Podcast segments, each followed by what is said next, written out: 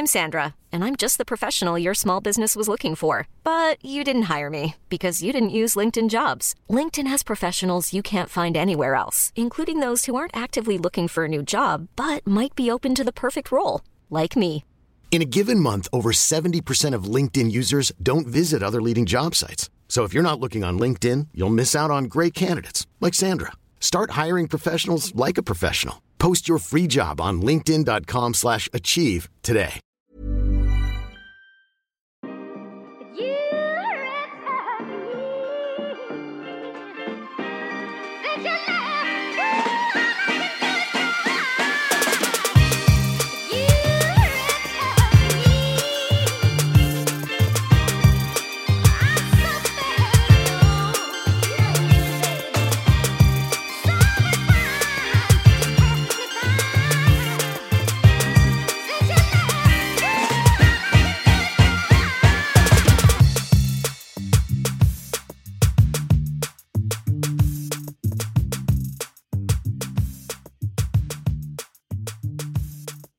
Okej, nu sätter vi igång den här podden.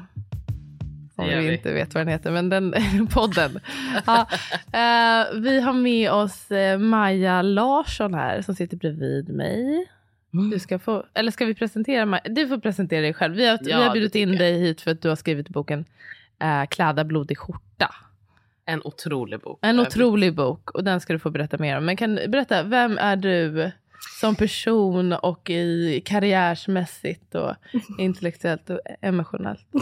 Emotionellt. Oh. Ja, ja, men, ja, det var stort. Eh, ja, men jag heter då Maja. Jag kommer från Göteborg. Jag har kommit hit idag. Jag har två barn. Eh, Hur gamla? De är åtta och fem. Mm. Mm. Härlig ålder, Ja. eller? Ja, men det... ah, Ja, jo. Jo, men det är det. Nej, men Vilken alltså, var din tycker, härligaste ålder hittills? Nej, men alltså egentligen tycker jag att varje ålder är härligare. Men nu känns Mm. det som att vi är lite ny. Alltså just att ha en åttaåring, han är ju så stor nu. Jag vet inte, Mm. hur gammalt är ditt äldsta barn? eh? Mm, det är fem och ett halvt, men så har jag också ett bonusbarn som är 15. Ja, ah, okej. Jag fick för mig att ditt eh, mellanbarnet här var äldre. Men, eh, nej, men jag tycker åtta, han, liksom, han går i skolan, det är mycket saker som är fräcka. Så här. Det är Mm. lite svårt att hänga med i den åldern tycker jag. är han, har han börjat bli det. lite så här intro? Alltså vill han dela med sig av vad han gör och så? Eller är Ja, men han... det har vi jobbat väldigt mycket med att han måste göra. mm. Mm. Det är inte alltid det lättaste. Men det Nej. är mer sådär, vem är man i gruppen, i skolan? Alltså, det är inte de här barnlekarna längre så. Nej. Mm. Det är bara lite svårt att förstå sådär. Vem är det han är med och vad gör de och vad förväntas Mm. då? Och sådär. Ehm, mm. Ja, det tycker jag känns jättejobbigt. Ja men det, De har ju det är ju liksom- roligt också men... Mm. De har ju är mycket mer kul. av ett eget liv på något Mm. sätt.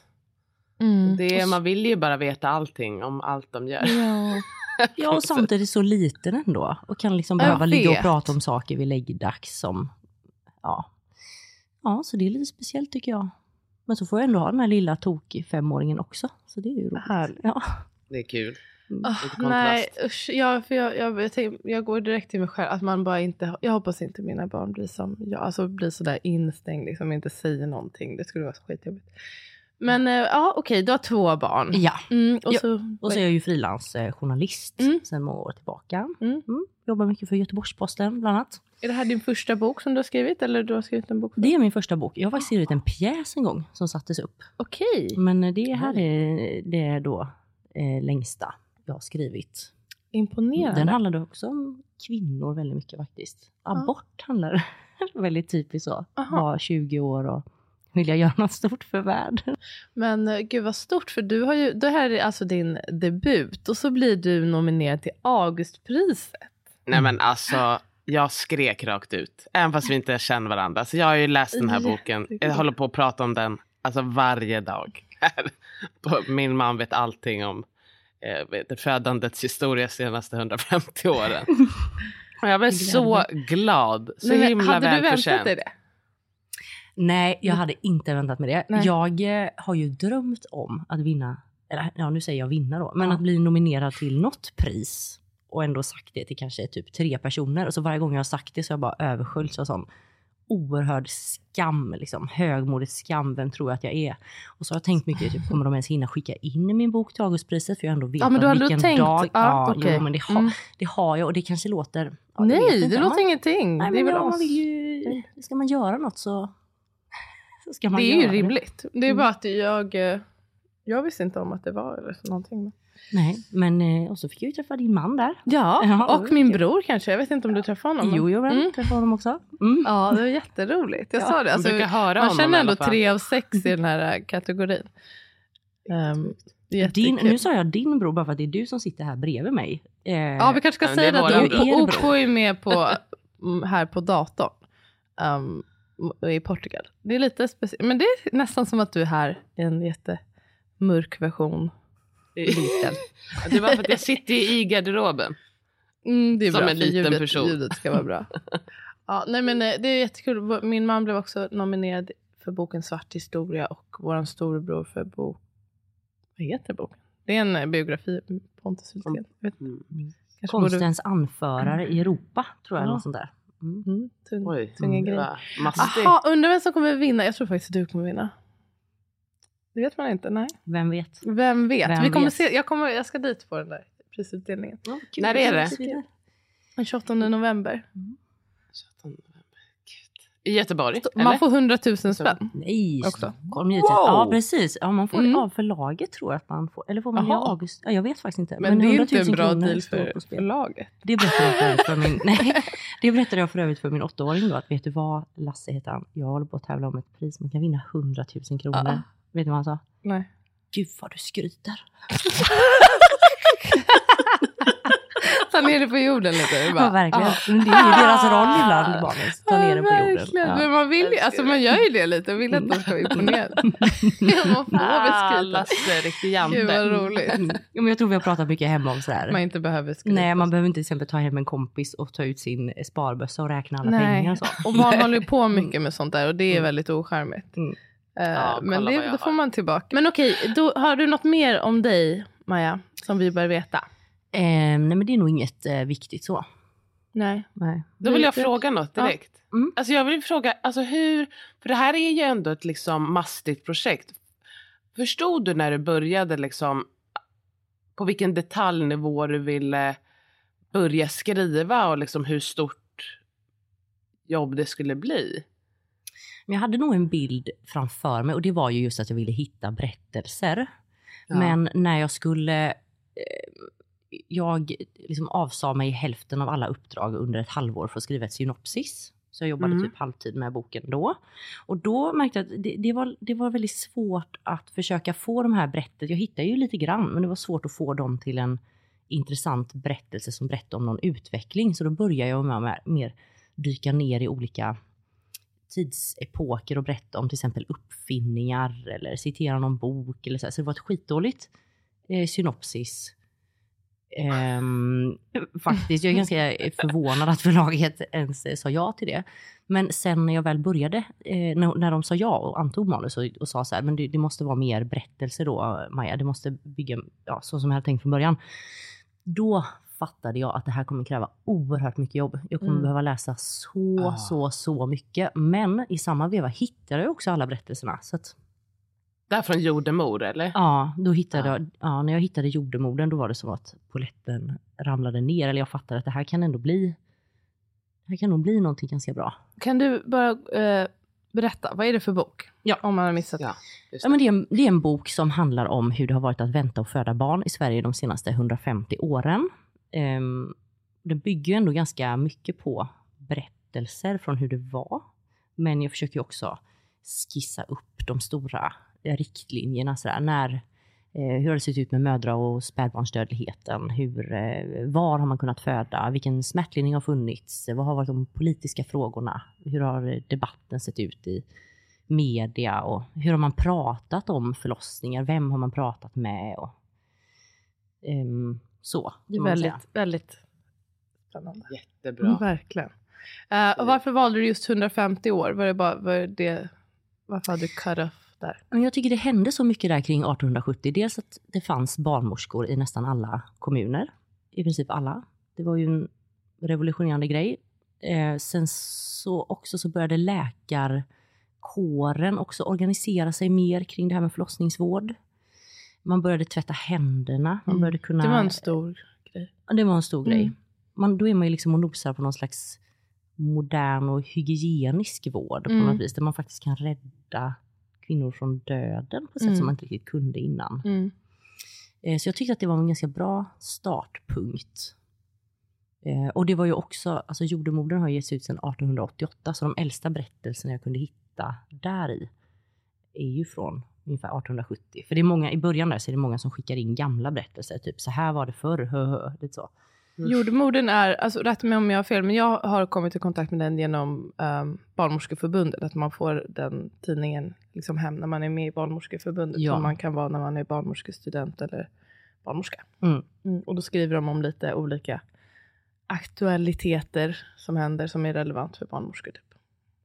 Är det så? Sån himla Mm, precis. guldgruva. Alltså, Ja, jag menar, verkligen. Så himla fint att ha det i skrift liksom. Ja. Att allt det här Du har läst varenda med. en va, sa du? Japp. Alla nu. Fan Men hur många nummer är det? Jag har ju dålig... Nej, är men jag kan inte göra den matten, men Nej. det är ju 12 nummer per år i eh, 100, mm, vad blir det? Men det är- 135 år. Mm. Oh my gosh. Jag har ju inte lusläst jag dem, men jag har Nej, suttit liksom på biblioteket och fotat av intressanta sidor och så har jag gått igenom det hemma sen. Och jag älskar att det finns. Det finns Mm. liksom arkiverat. Vilken grej. Mm. Vilken skatt. Och ett sånt här verk som du har skrivit, det finns inte sedan tidigare samlat. Liksom. Det finns ju Jordemor, har, du, har någon av er läst Ja, den? den Av har jag hemma Höljeberg. Jag har med. Jag har den den, hemma med, jag har inte läst hela. Den handlar ju också om, den handlar ju mer om barnmorskeyrket egentligen skulle jag säga. Mm. Barnmorskeyrkets historia och den går ännu längre tillbaka i tiden. Ehm, alltså typ, eh, ja nu kan jag ha fel, men medeltiden. Den måste jag läsa. Jag har den bara Mm. Men den I är Sverige väldigt- antar jag? I, eller? I Sverige ja, och den är, Ja. den är jättefin men hon går inte in i berättelserna på det sättet som jag gör. Utan barnmorskans perspektiv. Typ. ja, ganska mycket skulle Mm. jag säga.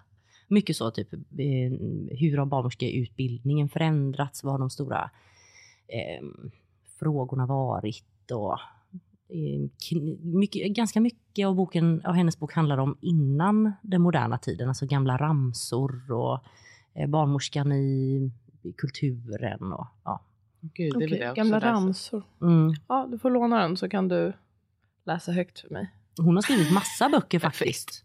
Ehm, om barnmorskor och födande i historien. Jag, har fått dem, jag har fått ett gäng av min svärmor. Mm. Svärmor, heter det så? Ja, Svärmor. alltså Ammas mamma. Ja, precis. Mm. Styvmor. Ja, just det. Det. Nej, styvmor är hon inte. Det är något annat.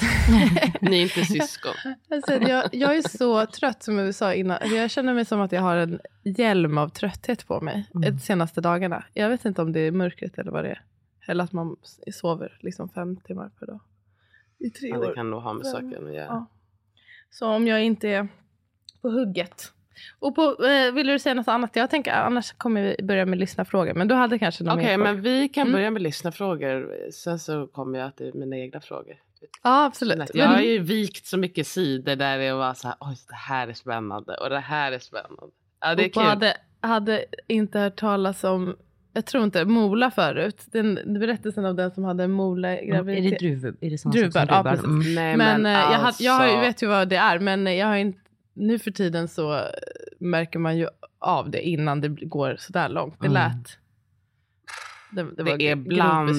Jag var tvungen att lägga ner boken. Alltså jag blev så illamående av Mm. tanken på att det var bara, också det kanske var värre i mitt huvud, vad vet jag, men hur du beskrev att hon hade så stor mage och ut bara kom liksom klasar. Ja men det är så alien-känsla nästan. Nej men det är Åh. jätte, det är jättevidrigt. Men Det jag är ville, alltså- ha med, jag ville ha med sånt exempel för att Mm. Just för att innan vi ens kunde se vad som fanns i magen, innan det fanns någon som helst fosterdiagnostik, Nej, så vad som precis. helst kunde ju hända. Mm. Nej men det är det och jag tror att det är många som inte alltså, har någon aning om att det, liksom, hur vanligt det var att det bara var lite random grejer och att barn såg olika ut. Jag kommer faktiskt ihåg det så himla mycket från när vi var små och bodde i Etiopien. För då var det ju inte heller Alltså, jag kommer ihåg att jag pratade med pappa om att så här, hur kommer det sig att man ser mycket fler som, har, liksom, som ser olika ut. Liksom, olika Funktionsvariation. Vad säger jag? eller? inte, ja, men funktionsvariationer. Jag kommer ihåg jag såg en man som var dubbel... Han såg ut som att han var dubbelvikt. Liksom, huvudet var nere vid fötterna. Eller Ja, att folk inte hade armar. Eller du vet, alla såna här grejer. Och då sa han till mig, han bara, men det här är inte alla som kan se vad det ska bli innan. Och även om de kunde det så är det ingenting de kan göra någonting åt. Ehm, och kommer ihåg att han redan då sa att eh, snart kommer du se att i Sverige kommer det inte finnas några dvärgar som han sa då. Um, och Mm. nu ser man ju faktiskt det väldigt, väldigt sällan. Och att det, jag tror att många tänker då bara så här, men det är så här det är. Men det finns ju en Mm. anledning. Varför? De så, liksom. sållas bort.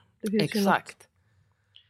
sorgligt i det också. Ja, och Något att Downs diskutera kring och- det. Ja, det är Exakt. Mm. det. Jag tyckte det var så intressant. Jag tror att det är liksom också viktigt för många att förstå. Att eh, liksom allt med kubbtest och så att det är inte, det kommer inte helt gratis om man säger. Det finns Nej. ju liksom någonting som man också förlorar där. Det jag skulle fråga också, varför du ville skriva boken. Det måste man ju alltid fråga. Mm. Ja, men jag tycker faktiskt, det här låter bombastiskt alltid, men jag tycker faktiskt att den här historien saknas. Mm. Att det är många andra delar av kvinnors liv som, är, som det har skrivits väldigt mycket om. Typ hur det har varit att eh, arbeta under 1900-talet eller den politiska eh, utvecklingen för kvinnor eller så här. Men, eh, men just den här superkvinnliga erfarenheten finns ju inte dokumenterad Nej. särskilt väl. Mm. Men, en sen har jag också, jag är jätteintresserad av debatten om förlossningsvård sedan jättelänge och just det här, vården är så säker eh, och samtidigt så är så många kvinnor så missnöjda och var, Mm. var, var är det krockar någonstans och varför varför verkar den frågan vara så svår att lösa? Och, Har du hittat ett svar? Nej, jag har inte hittat ett svar, men jag, jag tänker att mycket handlar om det som det har jag pratat om många gånger. Men jag tänker just detta att vi lever i en tid där vi aldrig någonsin har kunnat inspireras så mycket och läsa så mycket om födande och graviditeter och som fått veta hur det är för andra. Och att vi också lever i en tid där vi kan unna oss att ställa krav Mm. på ett sätt som vi heller aldrig har kunnat göra tidigare. Mm. Jag tror inte ens, så jag är ju född 89, jag tror inte att jag tror inte att min mamma kände att hon kunde ställa så mycket Nej. krav, även om det fanns en patientlag och så. Mm. Jag tänker att man var mycket mer i vårdens händer. Ja, just Det har ju skett något bara de senaste Mm. åren. Alltså, Mm. känns det som. I'm Sandra, and I'm just the professional your small business was looking for. But you didn't hire me because you didn't use LinkedIn jobs. LinkedIn has professionals you can't find anywhere else, including those who aren't actively looking for a new job but might be open to the perfect role, like me. In a given month, over 70% of LinkedIn users don't visit other leading job sites. So if you're not looking on LinkedIn, you'll miss out on great candidates like Sandra. Start hiring professionals like a professional. Post your free job on linkedin.com/achieve today. There's never been a faster or easier way to start your weight loss journey than with PlushCare. PlushCare accepts most insurance plans and gives you online access to board-certified physicians who can prescribe FDA-approved weight loss medications like Wigovi and Zepbound for those who qualify. Take charge of your health and speak with a board-certified physician about a weight loss plan that's right for you. Get started today at plushcare.com slash weight loss. That's plushcare.com slash weight loss. plushcare.com slash weight loss. Kör. Ska jag köra? Vi har Mm. lite lyssnarfrågor som folk har skickat in. Är du redo? Jag tror att du har fått många av de här. Jag är redo. Du är redo. Mm. Vilken tidsepok och vart hade du velat vara en fluga på väggen vid en födsel? Den här frågan har jag tänkt så mycket på. Jag hade så gärna velat vara med faktiskt innan min bok börjar. Ja? Innan, ja, men innan barnmorskan kommer in och är eh, tränad i att till exempel kvinnan ska läggas på rygg och tvättas och allt det här. Alltså om, om man tänker sig en frisk, normal födsel 1820, det hade ju varit svincoolt. Och, Mm. och då i mitt lite romantiska huvud så tänker jag då att vi är på landsbygden någonstans och kvinnan, alltså nu låter jag jätteexotifierande kring den här tiden, men, men att det kanske är barn i rummet och det kanske är byns andra kvinnor och så här. Det kan jag, det hade varit väldigt spännande att se eh, hur det var. Faktiskt. Verkligen. Mm.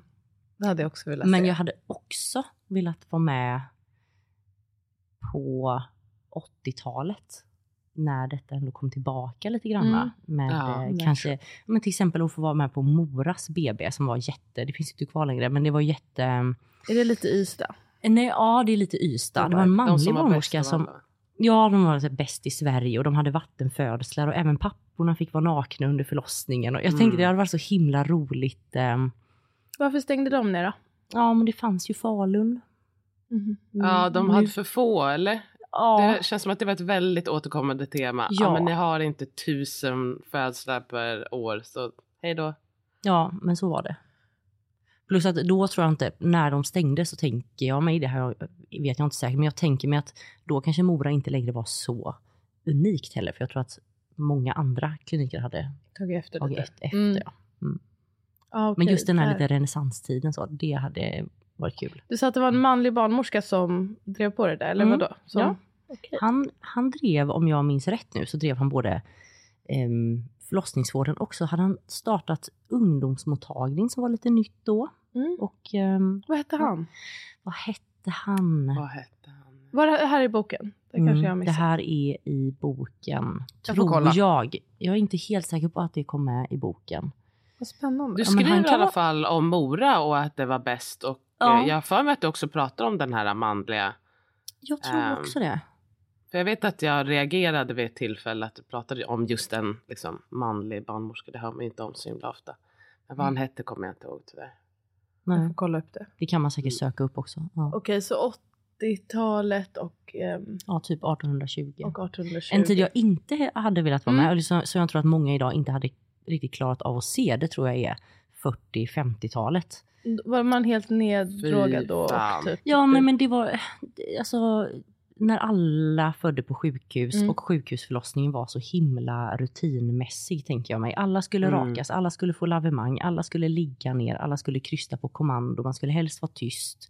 Man hade inte så mycket det var ganska få människor i rummet. Det kanske var en barnmorska med fyra patienter. Mm. Alltså jag tror att det var... Jag tror att Höjden av fabrik. eh, Ja men verkligen så. Och också hur, vad man gjorde med barnet när det föddes. Så då tyckte man att det var hur bra som helst. Att det fick eh, desinficeras i ögonen och spolas av i vatten och hängas upp i fötterna. Men idag tror jag vi hade tyckt att det var så Hemskt himla obehagligt att se faktiskt. Det där är så intressant också hur man är, hemskt. kan vara så säker på sin sak. Och det, det måste man ju alltid tänka på.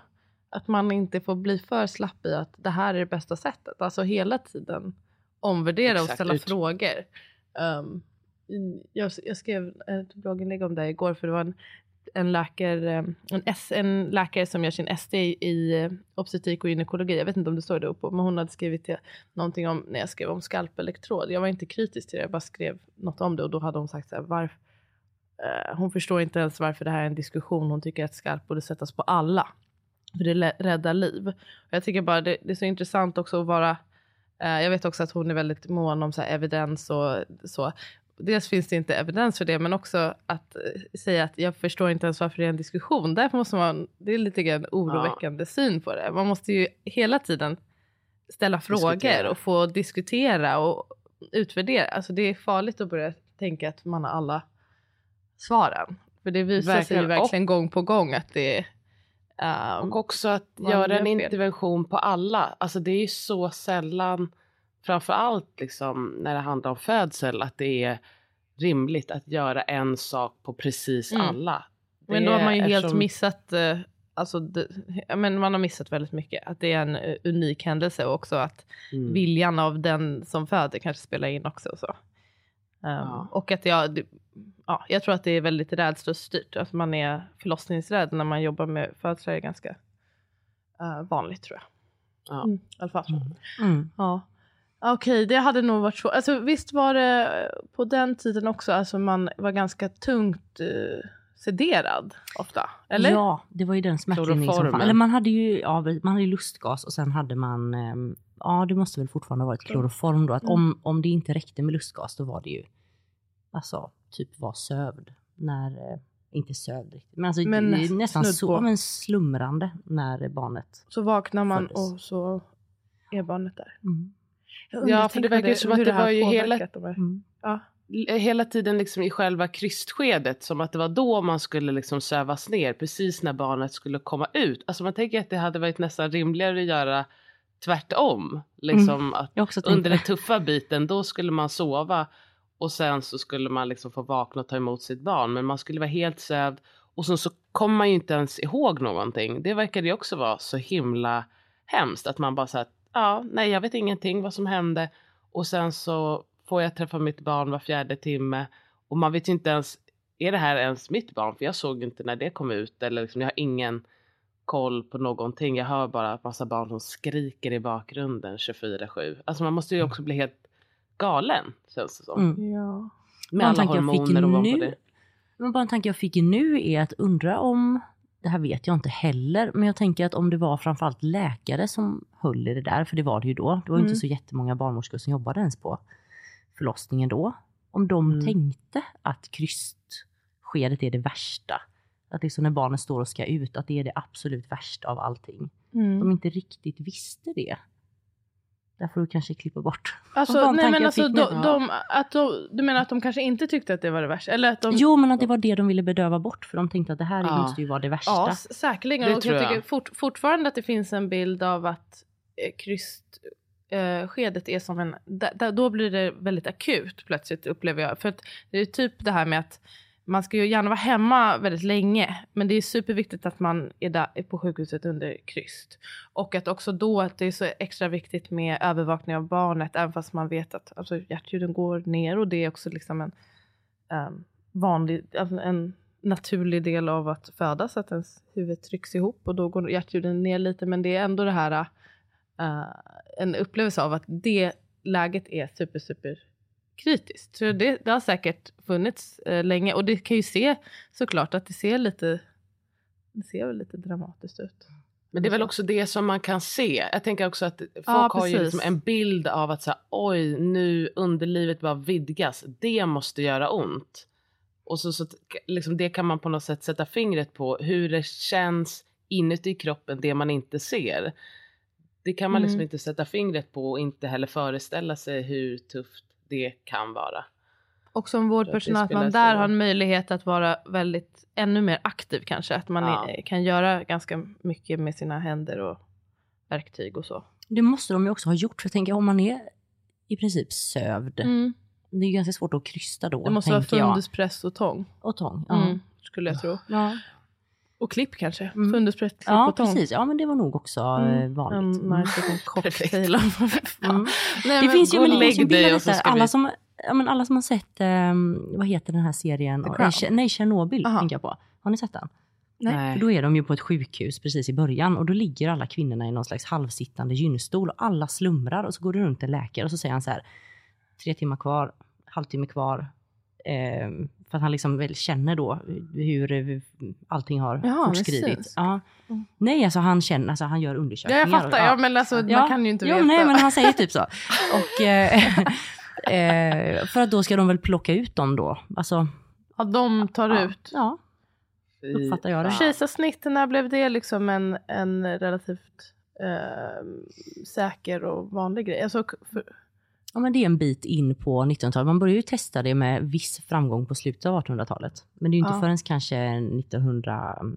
1930-40 sådär som det börjar bli standard att man kan göra det. Okej, och för att man vet där- att alla överlever i princip. med, med att så här, kunna bedöma tre timmar kvar, alltså då måste man ju ha nästan kejsarsnitt som ett alternativ för att det kan man, det, det, man vet ju inte det på centimetrar. Nej. Så jag menar, det känns som att då har man det ändå som ett option. Men då var det väl fortfarande-.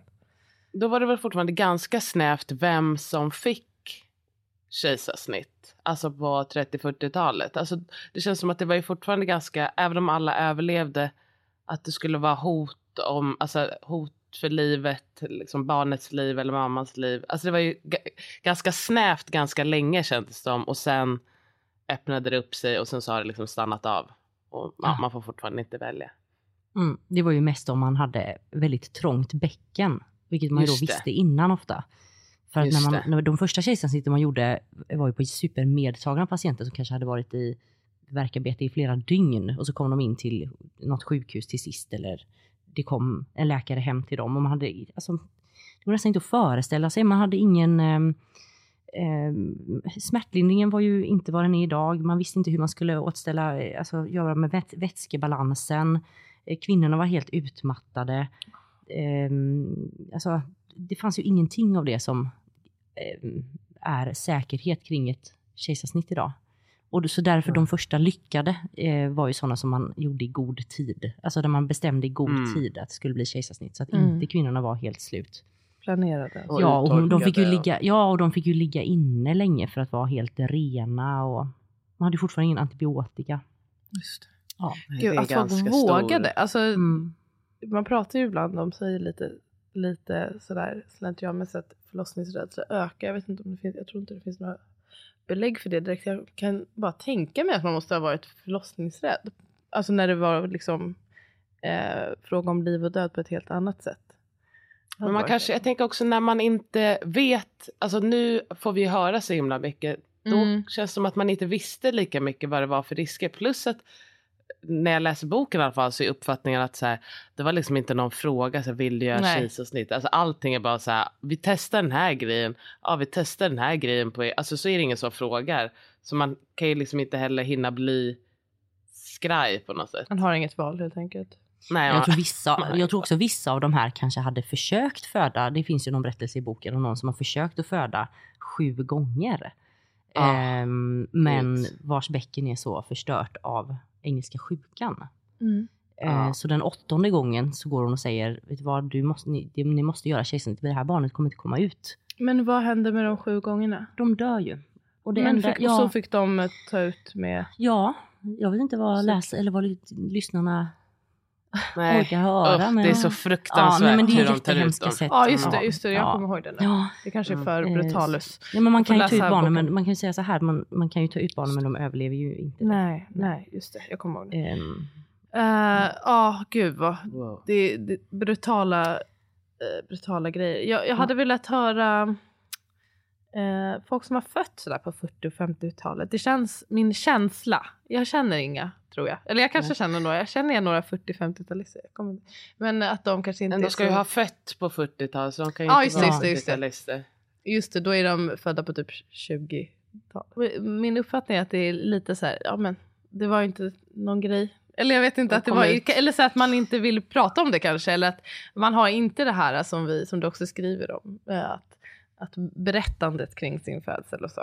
Men det hade varit, eh, det vi vet om anknytning och så idag, då känns det ju som att det här borde ha påverkat otroligt mycket alltså i generationer. Alltså det, att det måste ha haft en stor påverkan på barnen som kom Mm. och på föräldraskapet och allting. men man kan ju förstå att den generationen tyckte att deras barn var pjoskiga med Mm. sina barn. Så här, Ja, men verkligen. gud vad ni skämmer bort dem. Alltså, Mm. eh, när de själva inte ens fick ens få sitt barn på bröstet när de hade fött dem. Det kan man ju Ja. verkligen förstå tycker jag. Och också när de väl fick det så var det ju som en klocka hela tiden. Bara, tio minuter har gått, Ja. nu får du byta. Mm. Man bara, ah, Mm. gud.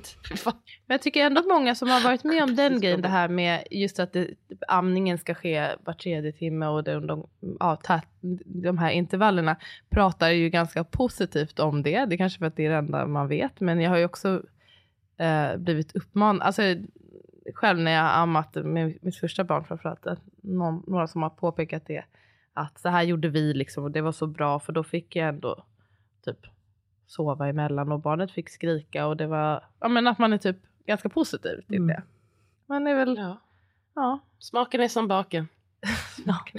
Men en sak jag bara vill tillägga om det här med de som födde. Jag har ju intervjuat en del som födde på 50-talet eh, för boken. För det finns väldigt lite nedtecknat från den tiden. Men det som är så svårt då, det är att det är så svårt för dem att berätta utan att ställa det i relation till hur det är idag. Mm. Att jag, jag hade så himla gärna velat eh, hitta fler berättelser från just 40 och 50-talet som inte I är färgade av vår tid, Ja. utan där de faktiskt bara berättar om det rätt upp och ner. Ja, så här var det. För nu kan de säga så, åh, mina barnbarn får ha det så bra och de får sitta och de får stå och de får smärtlindring och deras eh, partner får vara med och sådär. Ja, visst. Så de, de jämför ju det med hur det är idag hela tiden.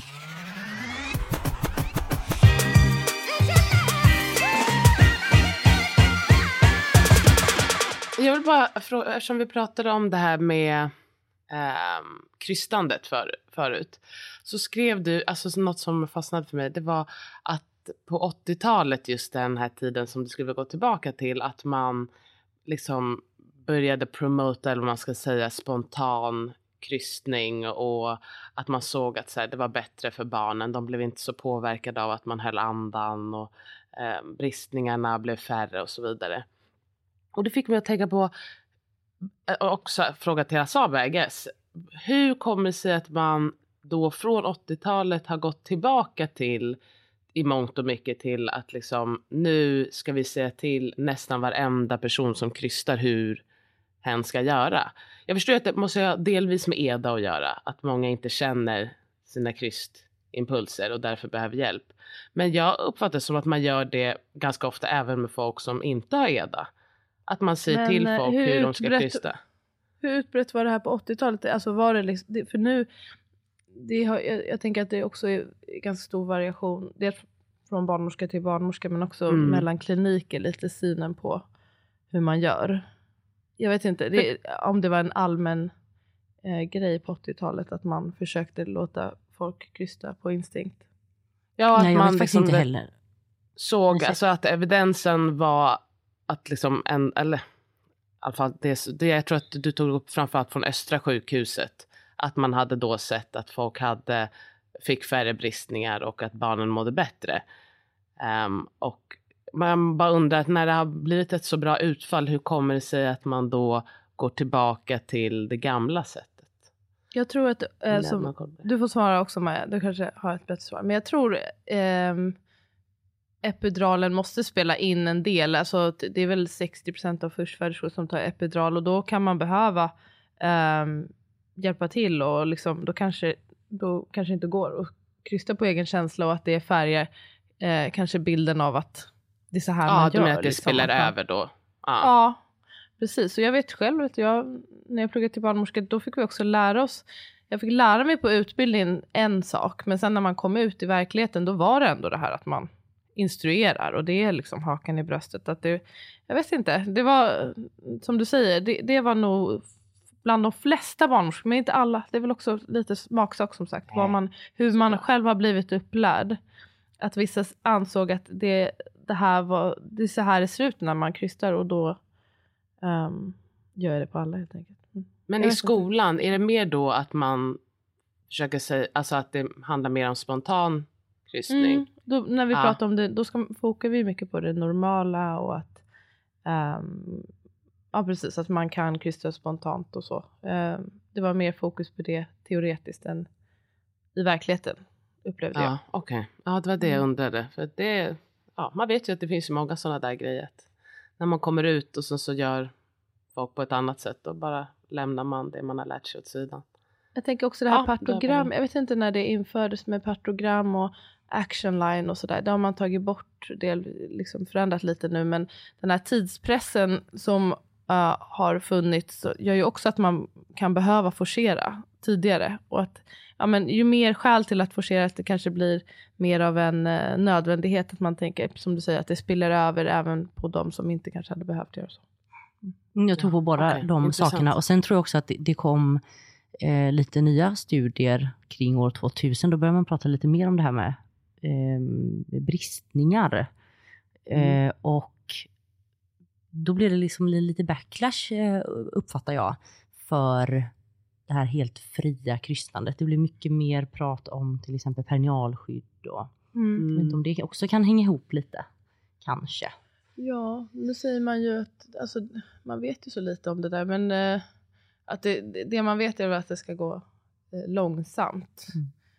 Och att man kanske tänker då att mer, när det är väldigt guidat, att det blir mer kontrollerat och kan gå mer långsamt. Jag vet. Det är Nej. många faktorer. Det är ändå Men som spännande. sagt, det, jag tror verkligen det spelar roll, alltså, från, lite från person till person och klinik till klinik. Det är det som är lite Absolut. inte alltid superenhetligt. Får en till fråga från en lyssnare då. Mm. Varför blev sjukhus det självklara valet trots att det varit tvärtom innan? En stor fråga. Ja. Mm. Ja, men det är, ju, det är ju mycket av det som boken handlar om. Mm. Ehm, men det har ju funnits förlossningsavdelningar i Göteborg och Stockholm sedan 1700-talet. Men de var ju bara för ogifta och fattiga och i princip kvinnor som behövde lämna bort sina barn för att Mm. de inte kunde ta hand om dem. Så det är ju först där på slutet av 1800-talet, början av 1900-talet som vi får eh, så att säga barnbördshus, som det hette då. Med kanske en eh, obstetriker anställd och barnmorskeelever och sjuksköterskor och sådär. På 1700-talet, vilka jobbade på sjukhusen? Ja, men då är det ju lite mer en, det fanns ju inte specialister på det sättet Nej. som det gör nu, utan det var mer en, ja, men en kirurg, typ, kunde man Okej. ha. Ja. Mm. Eh, Som jobbade med förlossningsvården då. Och i, i Stockholm och Göteborg har det ju funnits barnmorskeskolor. Eh, skolor. så då har man haft barnmorskeelever på Allmänna BB som var i Stockholm och eh, Södersjukhuset och när det byggdes och eh, i Göteborg på Sahlgrenska. Men nej, det hette inte Sahlgrenska då, det hette bara Barnbördshuset. Skitsamma. Eh, men där kring 1900, som jag sa, läkarna eh, specialiserar sig. De kommer på en massa nya behandlingar. Eh, de börjar nosa på detta med kejsarsnitt. Hur behandlar man havandeskapsförgiftning? Massa andra grejer så här, som kunskap som de i princip bara kan sprida på sjukhusen, för detta kan man inte göra hemma hos folk. Eh, de börjar bygga, man börjar bygga fler och fler sjukhus och alltså för många är det en standardhöjning att föda där. Mm. Där finns eh, rinnande vatten, el, det är rent. Och man vet ju detta med hygien och bakterier och så här. Så jag tror att många, många tilltalas av det. Vilket, Och när, lakan och när sa du att det här barnbördshusen och det ja men det kom? är kring 1900, då börjar det bli fler och fler Okej. barnbördshus. Och då var Sverige fortfarande ett fattigt eh, ja, land. det får man ändå säga. Ja. Ja. Ehm, och detta sker också en tid när Sverige försöker gå från att vara ett fattigt land till att bli ett industriland.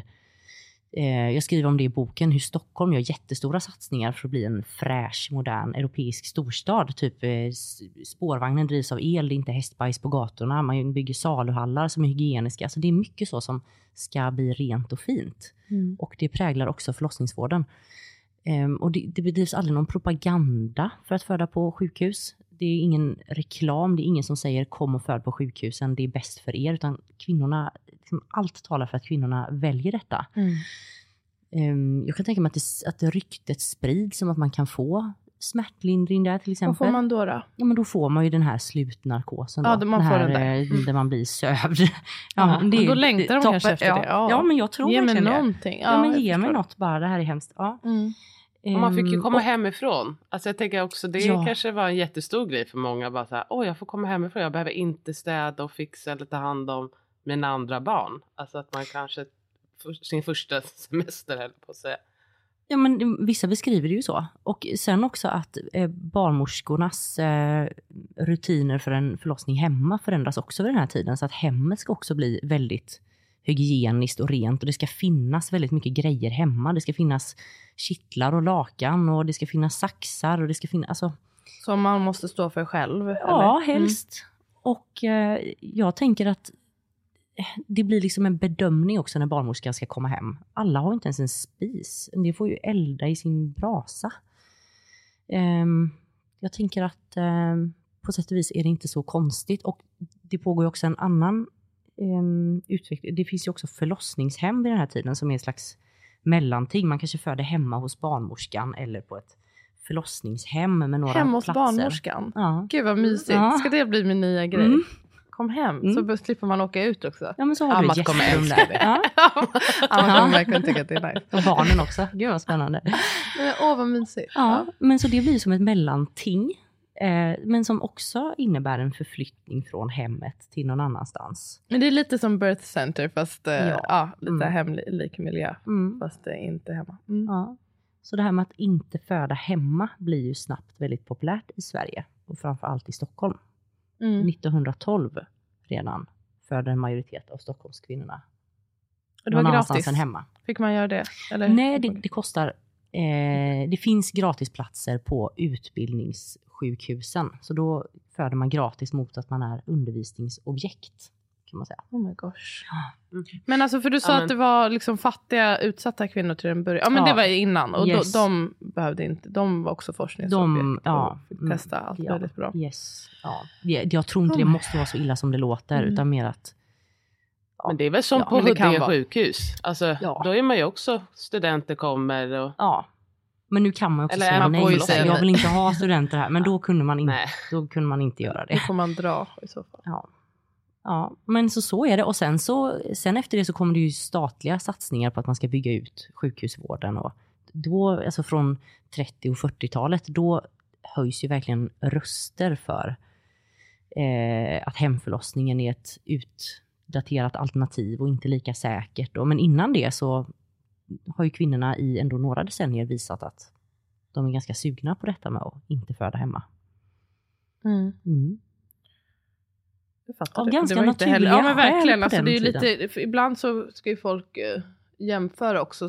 Du vet, säga det här som ett skäl till att kritisera att man vill att man går tillbaka lite alltså, om man vill föda hemma nu.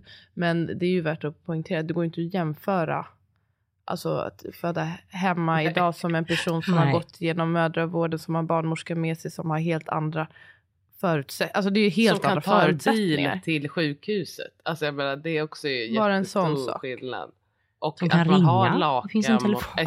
Ja, men Mm. exakt. Det var ju det är helt andra förutsättningar förut. Och det, Ja. jag, jag hade också valt dra till sjukan om det var på den tiden. En till fråga. Mm. När och varför blev det standard att även pappor inkluderades i födseln? Pappor var ju inkluderade i födseln fram till att kvinnor började föda på sjukhus. Kan Var man de nästan där? förutsätta. Det kan man Alltså, nog. då, alltså inte nära. Eller jag trodde det var en Det, det, är nog lite, det är nog olika i olika hem, Mm. tänker jag, beroende på klass och hur man bor och sådär. Men alltså om man tänker att väldigt många människor bodde på eh, ehm, bodde litet Mm, många. eh, och många, så var ju många med. Jag har hittat jättemånga berättelser där pappan eh, är med eller eh, är i huset eller Mm. hjälper till eller blir utskickad av barnmorskan för hon tycker att han stör. Ehm, Men han är ju i hemmet, han vet Mm, ja. vad som händer och ehm, ofta är ett stöd. Jag tror, om jag inte minns fel så säger barnmorskehandboken till och med att pappan och de andra i rummet, de kan ju hjälpa till med grejer, typ koka Mm. vatten och lite så Exakt, som man ser på vatten. Call the Midwife. Mm. Mm. Men sen är det ju faktiskt inte förrän på eh, 60-70-talet som, man, som pappor börjar släppas in i förlossningsrummen igen. Och då hänger det ihop med en ny syn på familj och på pappans roll. Och, eh, det görs ju stora kampanjer för att pappor ska vara föräldralediga till exempel. Och man tycker att eh, ja, men pappan eh, behövs. Nu säger jag pappan hela tiden, för Mm. att här pratar man inte om Nej, samkörande par. Nej. Ehm, mm. Jag tänkte för personen som ställer frågan kanske tänker också, eller man, jag, jag tänkte faktiskt inte att, att pappor var med, eller att de var i huset kanske, men att det är en skillnad nu att pappor eller partners em, har en så stor roll i att vara liksom det huvudsakliga stödet. Mm. Det, Äh, tror, det tror jag dock inte att de var Nej. på 1800-talet. Nej, jag tror att det var kvinnor som var det. Ja, Mm.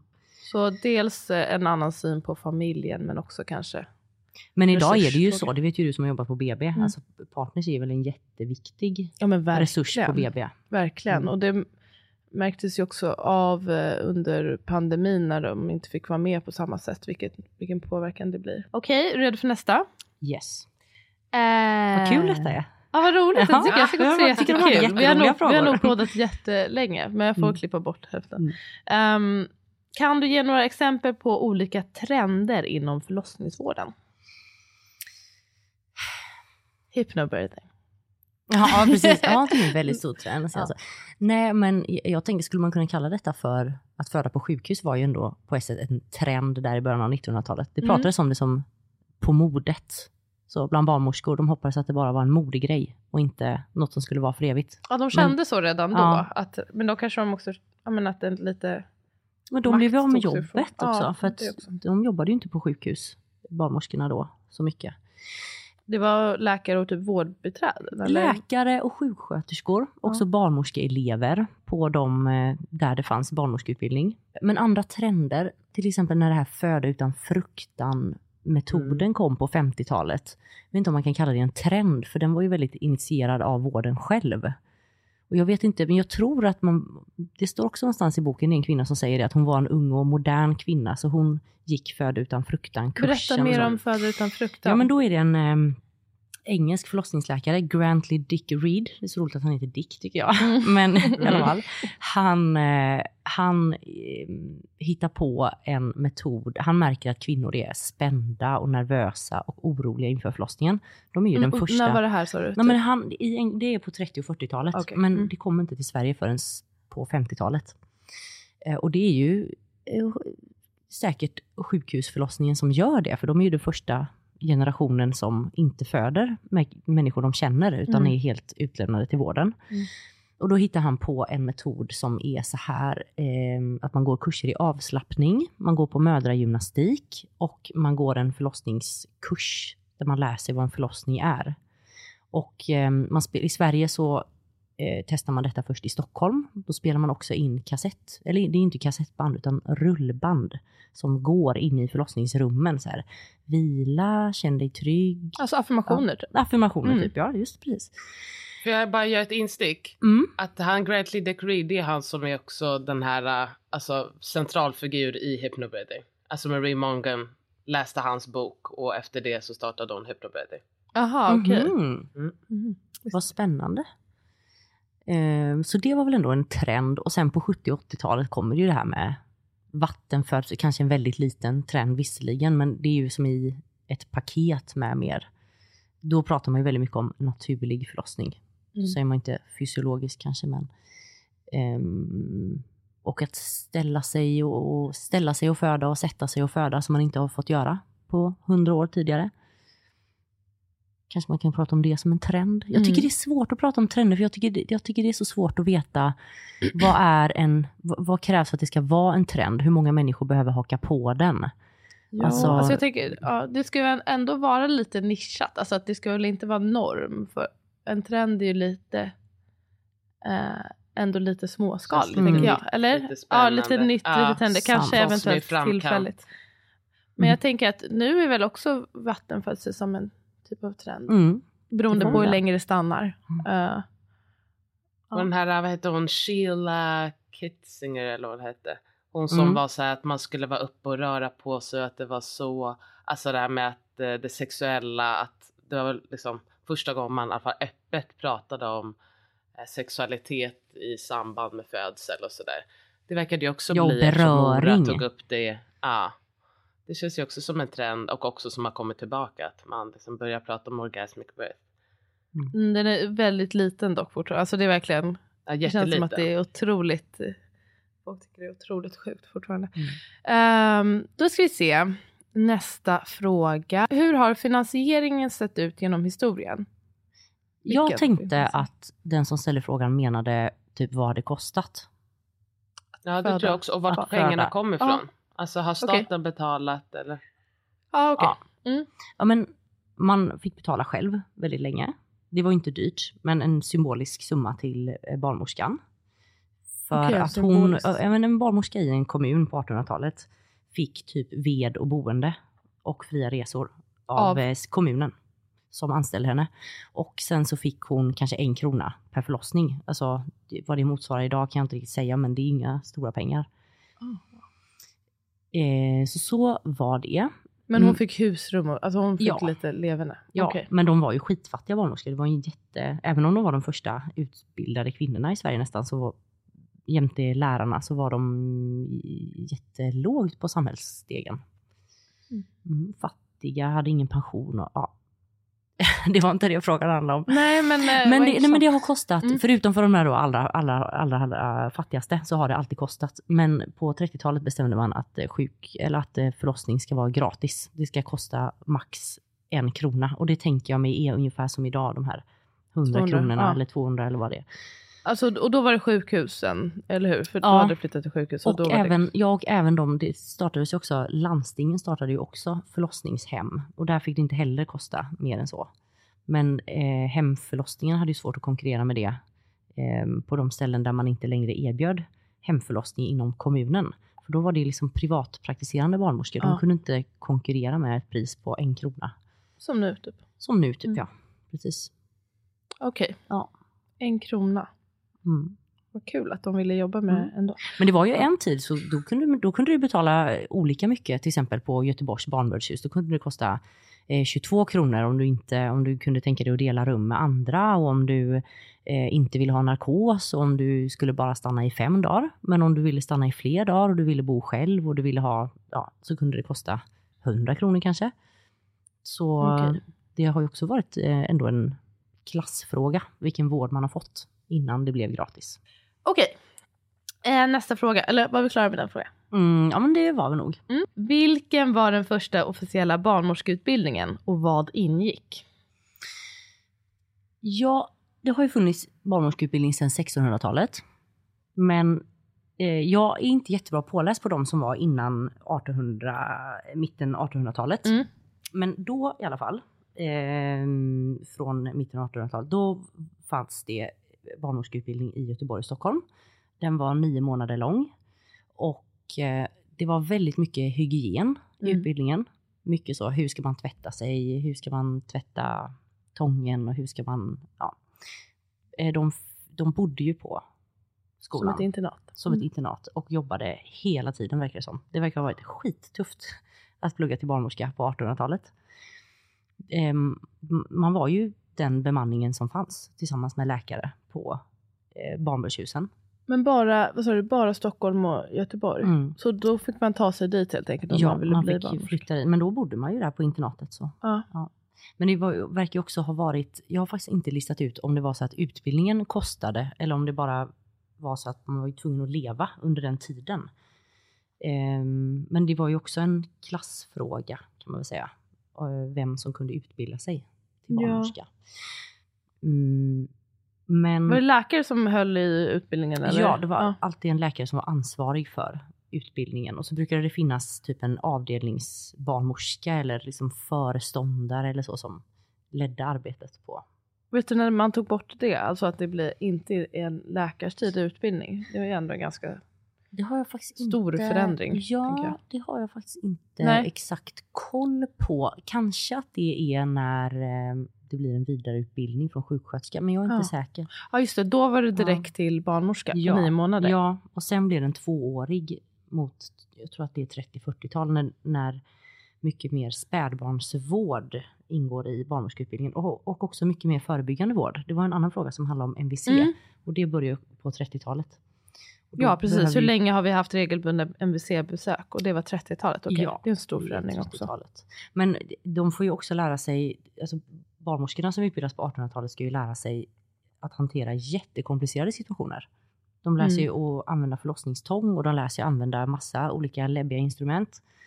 Och eh, de lär sig att stoppa för blöd- Ja men de här instrumenten för att ta ut barn som inte kommer ut Ja. och så. Ja. Eh, ja, Och också hur de får ut alla barnen. Alltså jag menar, Ja. det är svårt att föreställa sig men det är ju väldigt ofta det kommer att säga ah, barnet kommer inte riktigt ut så de stoppar in en hand, vände på den och drog ut den i fötterna. Mm. Alltså jag menar, Mm. det är och mycket teknik. Det, ja verkligen, det är ju många manövrar och grejer som eh, också klart går förlorade när man inte heller behöver eh, kunna. Det här med Mm. att dra ut dem i fötterna, det tycker jag är väldigt Det fascinerande. Väldigt framkallar man liksom en fot, fotbjudning som Ja. man nu också avråder så starkt. Men det är väl det enda man kan få tag i. Jag tänker när man inte har en sugklocka eller en tång, hur ska man, då kan man inte få tag i huvudet. Jag tänker också att det måste vara svårare att vända ner på något vis. Ibland lägger de ju snaror om fötterna och sånt också. Alltså Ja. om barnet ligger på tvären. Det är ju Mm. oftast det som är det krångliga. Mm. Att de ligger, ja. Och då, då, är, då är ju rådet till barnmorskor vid den här tiden att eh, man vänder ju inte på utifrån utan alltid går in med handen Inifrån. och tar tag i en fot. Och, Det är också att Att förstå det inte spasmar. Tekniken. inte. Ja, jag vill verkligen lära Men då, mig det. man sliter man väl bara. Alltså jag menar, det är väl också att man bara, nu kommer jag bara Tar i slita som ut. fan. Ja precis. Ja, och så, så får det gå Mm. som det går. Men också, jag tänkte på det, hur får man till en snara, alltså med en hand inne i en kropp runt några fötter? Alltså jag menar, det är riktig teknik. mm. Det är svårt att föreställa sig. Men många av de barnen verkade ju överleva. Och även föräldrarna. Alltså när du skriver om det. Att så här, ja, då Mm. jag fick ut dem ändå. Ja, Ja. ändå jag tror inte heller man var så himla, man var inte heller så pjoskig med att barnen var ganska medtagna när de föddes. Nej, det var ganska standard. Det var, ganska, det var man ganska van vid. Det är också hemska beskrivningar. Det är ju någon, som, det är är Mm. någon rekommendation så här. Lägg, om barnet verkar trött eller om barnet verkar nästan dött när det föds så lägg inte, Skeende. genast, ja, lägg inte genast ute i kylan utan låt det ligga i rumsvärmen så kanske det kvicknar till. Typ. Det är ju, ja. Gud, det är andra tider. Och Ja, att är många bara, annat. äh, skitsamma, bara lägg undan den. Den är skendöd. Nej, men, Alltså det, döden är ju Mm. såklart en helt annan, alltså det är så helt naturlig del. Ja. Ehm, Och många som inte vill ha sina barn också. Alltså jag menar Mm. som bara kanske tyckte det var som inte har kunnat göra abort eller så. Ja, Mm. just det. Är du klar med ditt svar? Eh, ja. Den första Om man, officiella du barn... Ja. Nej, jag ska också säga att om man vill läsa mer om ehm, vad som... Alltså den barnmorskehandboken från 1800-talet finns att läsa helt gratis på internet. Mm. Så om man vill göra det så Mm. kan man söka på, eh, han heter Per Cedersköld och boken heter Handbok för barnmorskor. Eh, och den finns på Google Play. Den är ganska spännande läsning ändå faktiskt. Lärorik. Mm, kan jag lära mig ett och annat? Där kan du lära dig fotgreppet. Ja. Fotgreppet, ja. Du kan lära dig eh, hur eh, man avgör om någon är en bra amma. Okej, Ja. det är bra. Det måste jag Ja.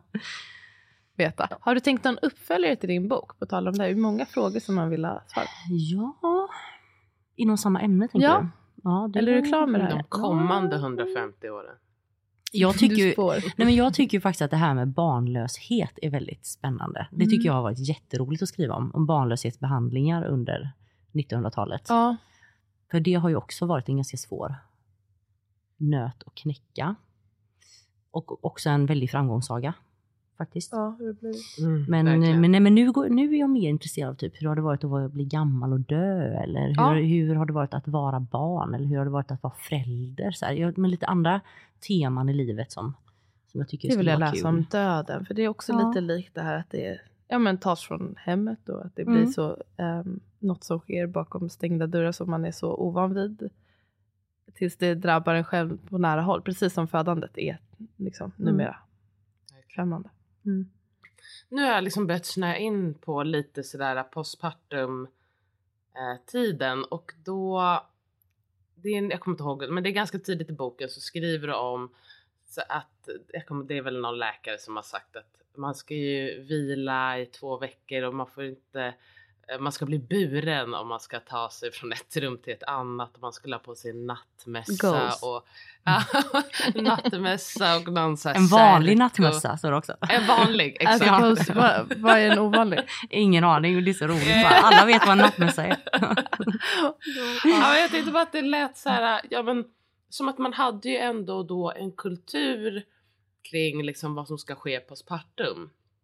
Och det, ehm, jag och Sabbe har ju haft ett avsnitt om det, liksom ute i världen hur det har sett ut, eller hur det ser ut, eh, eh hur man tar hand om då den som har fött framför allt. Men det känns som att det är liksom till mångt och mycket i alla fall har liksom tappats bort i Sverige och då undrar jag bara vad, vad tror du att det beror på? Vi har ju haft tydligen en kultur för inte så länge sedan om hur man ska ta hand om den som har fött och det har nästan försvunnit helt. Varför tror du att vi har tappat det jämfört med andra länder som liksom har kvar mycket utav det? Vår kultur är att att man vi- ska återgå till livet. Ja, Det här, det här har jag faktiskt tänkt på mycket. Och jag är ju så himla glad att det pratas om det här med fjärde trimestern. Det pratar ju ni mycket om Mm. i er bok till Mm. exempel. Någonting som jag verkligen, verkligen kunde sakna när jag fick mitt första barn. Att jag inte alls fattade detta. Att man, man är inte sig själv. Och vem är barnet? Och Mm. vem, ska jag bara gå ut på promenad? nu, Liksom? Nej, men, det orkar inte jag. Men jag, Mm. eh, så jag, jag, jag tror att det är väldigt bra att samtalet om det kommer tillbaka. Men det är ju faktiskt så att det här, då pratar man, det heter- det puerperiet? Mm. Ja. Ehm, det har ju verkligen försvunnit. Och jag tror dels det här att man skulle bli buren och inte gå. Alltså då trodde man Ja. ju att man fick framfall och att man fick, eh, att man blev sjuk av det. Att livmodern kunde Mm. ramla ut typ. Nu vet vi att det ändå är bra att gå upp och gå. Att man inte får blodproppar Ja, och sånt. Ja. Ehm, Jag trodde det var mer för att man skulle liksom visa vördnad. det. mysigt. Ja, jo men det är säkert. Det, var, det fanns kanske sådana inslag också. Det var ju väldigt upprörande att kvinnor gick ut och arbetade till exempel. Många var ju tvungna att göra det. ja. Mm, Men och det verkar tänk- de ju hata. Liksom, Ja. Att folk återgick till sitt vanliga liv. How dare Ja. you? Ja, är ja men det var därför det kom eh, föräldrapenning och sånt sen. För att man in, inte skulle göra det. Alltså, de, de tidiga eh, moderskapspengen var ju för att man skulle vara hemma och amma och inte sätta sig i en fabrik med en gång och så här. Det är ändå ganska, skulle, det är ändå liksom ehm, tabu fortfarande, de som vill återgå och jobba fort. Mm. Ja, just det. då, de kan ju få Absolut. ganska, då kan man bli kritiserad som en dålig moder. Ja. Mm. Men, Men om man varför tänker har från- vi ja, tappat men- allt det? Ja men dels tror jag det beror på just det där att man har kommit på att man ska vara uppe och röra sig. Eh, sen också att, att vårdtiderna har ju blivit kortare. Man är ju inte kvar hela den perioden på BB utan man ska ju ändå vara hemma. Och eh, jag, jag vet faktiskt inte. Är det, också att, att, man är ganska eh, isolerad då? Det, det, man, kanske, man lever inte i den här storfamiljen längre. Kanske inte är lika många. Man måste liksom sköta sig själv lite grann tänker jag. Ja. Att vi inte, mm. vi inte har den här, ja men, eh, kanske nära kontakten till sin närmsta familj. Att man bor tillsammans eller lever nära varandra i Sverige. Ja, men så, ja. säkert det också. Men så tänker jag att ibland får ju förlossningsvården kritik för att um, patologisera för, födandet, att man ser så mycket som sjukt. Medan tiden efter förlossningen kanske vi ser som alldeles för frisk. Mm. Jag vet inte. Mm. Som att man inte ska behöva något. Eller framför, ja men precis. det känslor, ja, man är näst, då är man lämnad ganska mycket. Från vårdens sida är man ju det. Mm. Um, lämnad för att fend för en själv. Men mer samtal om det tror jag är bra och då tror jag också vi kan ta med det bästa från historien. Man kanske inte behöver bli buren och ha nattmössa men, men eh, kanske ändå synen på detta som en viktig och, jag ska inte säga helig tid, men en betydelsefull tid. Mm. Hade varit något. Mm. Mm. Får jag fråga en fråga? Ja. Uh, om 50 år, hur tror du att man kommer beskriva dagens förlossningsvård och syn på födandet? Vad är utmärkande för våran tid?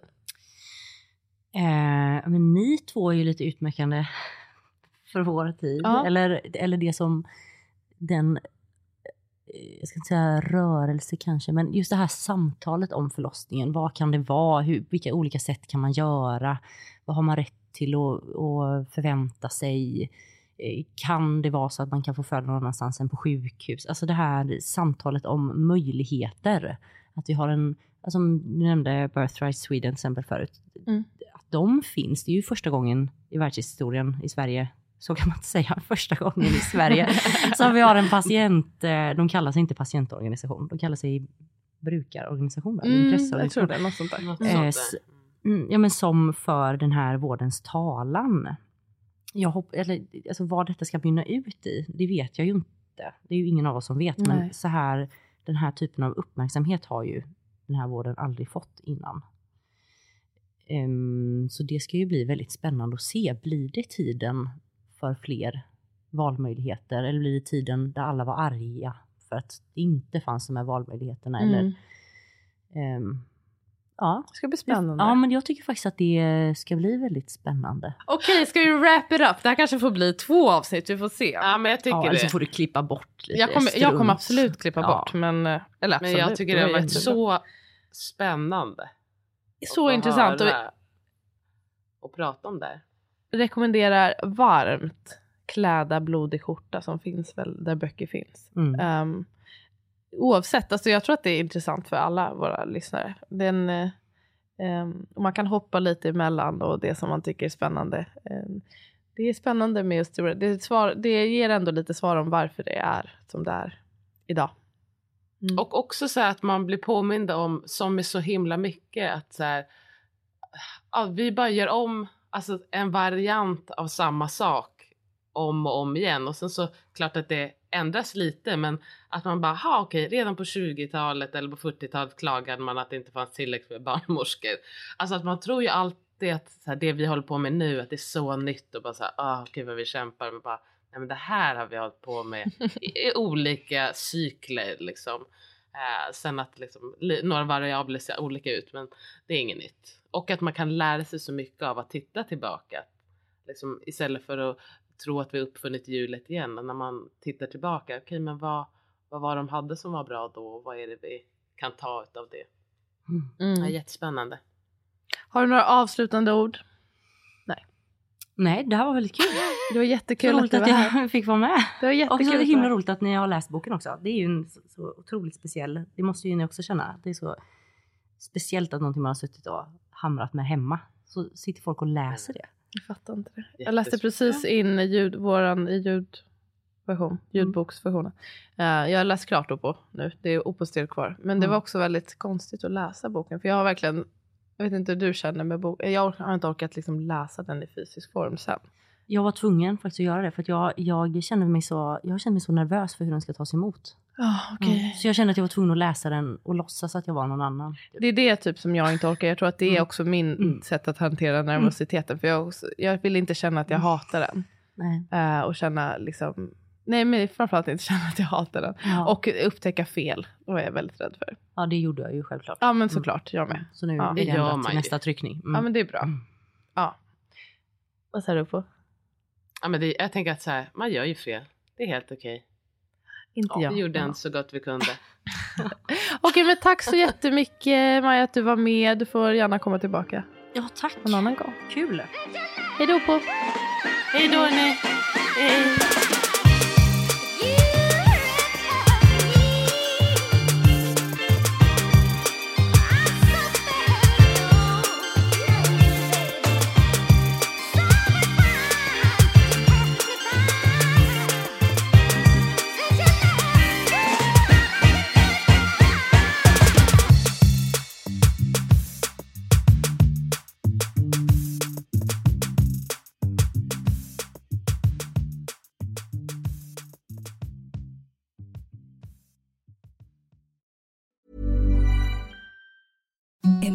Softest sheets you've ever felt. Now imagine them getting even softer over time. That's what you'll feel with Bowl and Branch's organic cotton sheets. In a recent customer survey, 96% replied that Bowl and Branch sheets get softer with every wash. Start getting your best night's sleep in these sheets that get softer and softer for years to come. Try their sheets with a 30-night guarantee. Plus, get 15% off your first order at bowlandbranch.com. Code BUTTERY. Exclusions apply. See site for details.